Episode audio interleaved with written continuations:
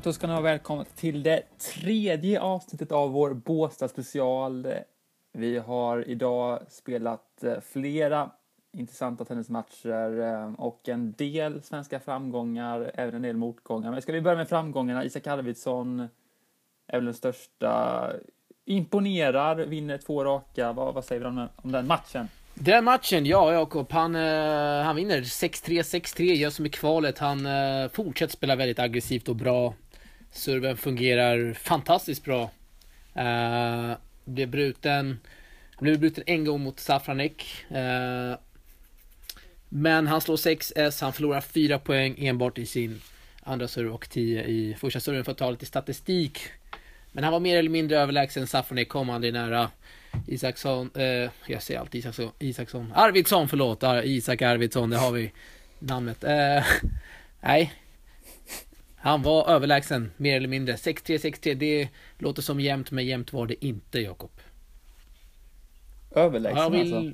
nästan säga att han var alltså. överlägsen. Eh, Spelmässigt, siffrorna kunde blivit, blivit mycket större också. Nu blev de inte det, men eh, nej, han var han var riktigt bra Arvidsson, det var han. Mm. Och det har ju sett ut så som under kvalmatchen att han har varit eh, på gång. Servar bra som du säger, stabil från baslinjen eh, och eh, hans volley funkar ju, funkar ju bra. Ehm, så väldigt kul med Isak Arvidsson som är första svensken att gå vidare till andra omgången. Vi hade ju även en till svensk singelspelare i farten idag, kvalspelaren eh, Fred Simonsson och han gick det inte lika bra för tyvärr. Nej, men det var, det var väntat. Han mötte Guillermo Garcia Lopez eh, En spelare som har slagit Wawrinka på grus i Franska öppna. Jag menar, då, då är det tufft. Eh, Garcia Lopez, han har ju varit 20 i världen, eh, runt 20 i världen för några år sedan. Det är en fantastiskt bra grusspelare. En klassspelare, det var klasskillnad också på banan och eh, det var väl väntat att Simonsson inte skulle hänga med riktigt. Mm, vad var en av de största skillnaderna skulle du säga mellan just Simonsson och Garcia Eh, Lopez? Främsta var väl att Simonsson eh, missade lite för mycket. Eh, när han, när han eh, inte bara när han var pressad utan även när han hade, hade tid på sig och det har man inte råd med mot de här spelarna. Och sen ska vi också nämna att Lopez eh, väldigt effektivt. Eh, Simonsson hade inte en breakboll under hela matchen på ett väldigt långsamt underlag ändå som där i, i hamnen där i Båstad. Eh, så servandet och och eh, ja, för mycket misstag från Simonsson helt enkelt. Mm.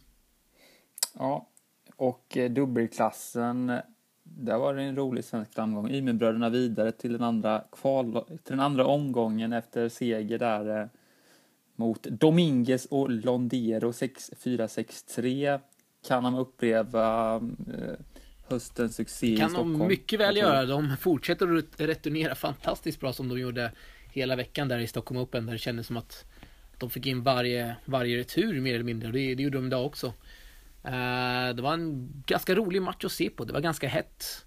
Dominguez Londero, de, eh, de, eh, de skulle inte förlora den här matchen. Det syndes väl och tydligt. Men bröderna Ymer, de var bättre helt enkelt och främst Elias servade väldigt, väldigt, väldigt stabilt matchen igenom. Så kul för Ymer som jag tror kan gå, kan mycket väl gå hela vägen här på, på gruset. Det är så alltså? Varför inte? De har vunnit en ATP-titel i dubbel mot eh, fantastiskt bra dubbelpar. Jag tror de förlorade två, tre game där va, mot Venus Pavic. Och det var ett par som hade vunnit flera ATP-titlar. Uh, spelar också på sitt favoritunderlag båda två. Just att de kan, de kan variera. eh, väldigt stabila från, från baslinjen vilket dubbelspelare, dubbelspecialister i regel inte är. Eh, tar man in gruset, ja. De kan mycket väl gå hela vägen Jakob. Mm. Trevligt att höra. Sen hade vi ytterligare två svenskpar i farten idag också. Och eh, ganska, eller överraskande, överraskande är det väl kanske inte, men Arvidsson och Simonsson, fjolårets, fjolårets upplagas segrare, förlorade 10-8 i avgörande match tiebreak. Eh, en liten besvikelse. Lite besvikelse absolut. Uh, I och med att de har De är som du säger, de vann här förra året. Uh, de har vunnit i Jönköping också. Kändes det ändå som när de vann där 7-5 efter ett tajt första set så kändes det som att det här vinner de ganska komfortabelt i andra också. Men eh, det gjorde de inte. Fransmännen Hemery och Robert. Eh, de vinner 6-4 och 10-8 i super tiebreak. Eh, fransmännen oerhört avslappnade Jakob hela matchen. Hemery han skojade friskt med Robert. Robert försökte vara lite mer fokuserad under matchen. Men till slut fick han ge sig och han skojade friskt tillbaka med Emery och de snackade om allt möjligt. På franska så jag förstod inte men det var kul att se att uh, man kan vara så avstamp på, ba på banan och bara, bara ha kul och, och det går vägen liksom. Mm, lite inspirerad av Monfils där kanske? Ja, mycket möjligt. Fransmännen. Mm. Och vi hade även det unga GTG-paret Eriksson Sivers och Karl Friberg. Även där förlust i avgörande match tiebreak 10-4 mot Altuna och Safrane. Ja, Tona Altuna har varit i farten. Eh, mannen som har fått kultstatus eh, av fans världen över på grund av sitt eh, coola namn där. Men ja, till matchen då. Eh, det är ju två olika sätt. Tona och Safranek, de har de överlägsna i första. Sen går de ner sig rejält. Siverts och Friberg tar över helt i andra. Eh, 10-4 super tiebreak, förlust. Ja, det var lite för enkla missar. Det är 3-4 poäng som de ger bort till, eh, till sina motståndare. Det är volleys vid nät som de missar helt och oförklarade misstag från baslinjen. Och det har man inte råd med ett super tiebreak. Så lite rutin och erfarenhet där som, som skiljer dem åt kanske. Mm. Härligt. Ja, eh, lite andra singelmatcher också som vi inte har pratat om. Eh, ska vi gå igenom dem lite snabbt kanske? Vi hade bland annat en norrman som förlorade, eh, ganska överraskande. Ja, med tanke på att han hade eh, två eller tre matchbollar va, i andra sets tiebreak. Han var första set 6-3. Sen har han 6-4 egen serve i tiebreak i andra set. Ska serva för matchen. Har väl en forehand där han får en ganska kort som han ska slå in. Han missar den. Uh, och sen, ja, vinner Mayer de nästkommande poängen och tiebreaket. Eh, uh, 6-4. I tredje Meyer breakar direkt och eh, uh, Rud kan inte komma tillbaka efter det. Båda två spelade en fantastisk tennis emellanåt. Det var väldigt kul att se på. Det var bra tennis, det var många välspelade dueller. Men eh, Meyer höjde sig där efter, efter första set och vann komfortabelt. Mm.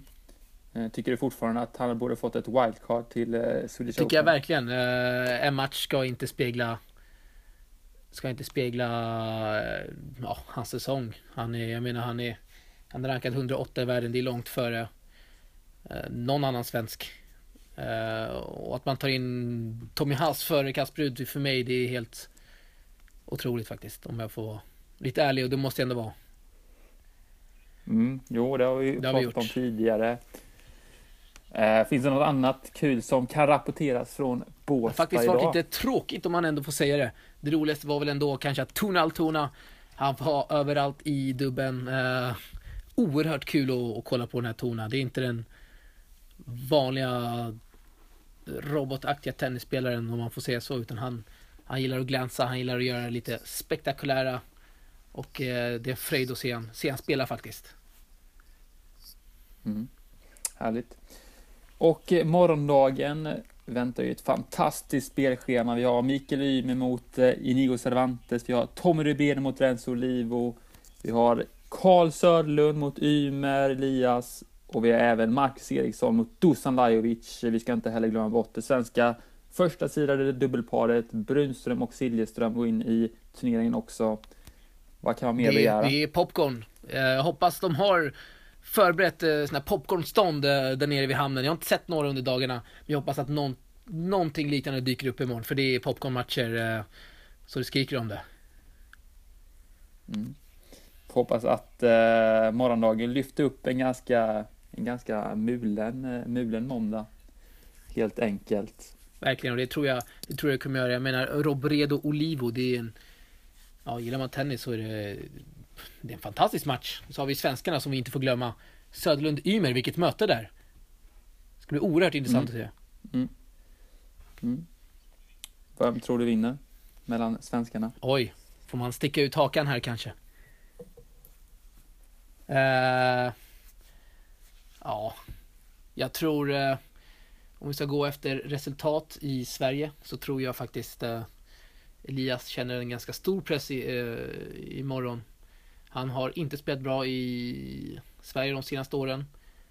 Uh, förutom DC då, där har han höjt sig. Men i ATP och Challenger förra året så var det ju inte bra från Elias. Tydligt att han saknar självförtroende. Har inte gjort jättebra, jättebra resultat inför den här matchen. Uh, och jag tror Söderlund, han är taggad som få och uh, han kommer få Ymer att svettas rejält. Jag tror på Söderlund faktiskt, om jag får sticka ut hakan Jakob. Mm, det får man absolut göra och som du säger, Elias har en enorm press på sig. Han är en stor favorit och ska enligt många vinna den här matchen mot Karl Söderlund som inte har tävlat på väldigt länge.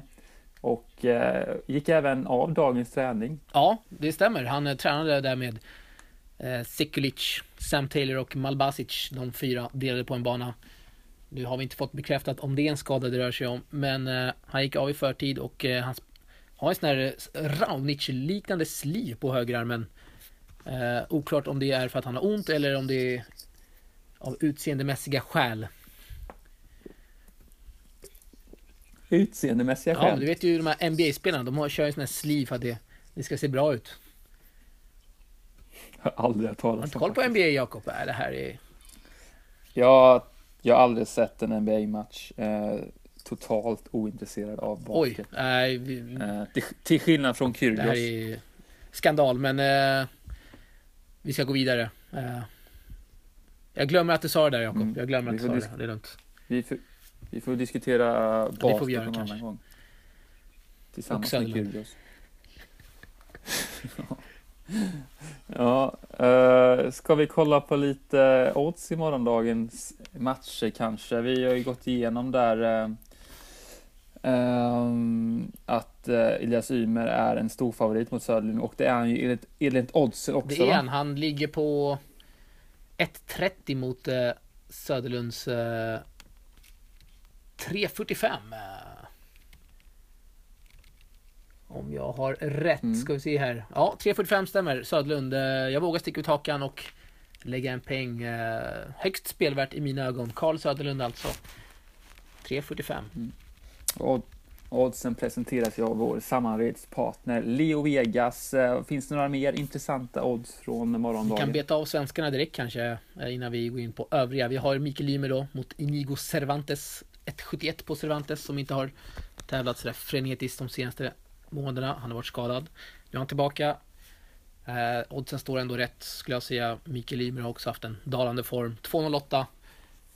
Eh, inget spelvärt därifrån men eh, favorit Cervantes det ska han vara. Mycket riktigt. Sen har vi Dusan mm. på 1.23. Mot Mackan Eriksson på 4 gånger pengarna. Dusan, han kommer direkt från gräset i Wimbledon. Stor omställning och spela grus. Sin första match alltså sen gräset. Mackan har spelat grus en hel del. Och eh, kan mycket väl skrälla där tror jag. Mm.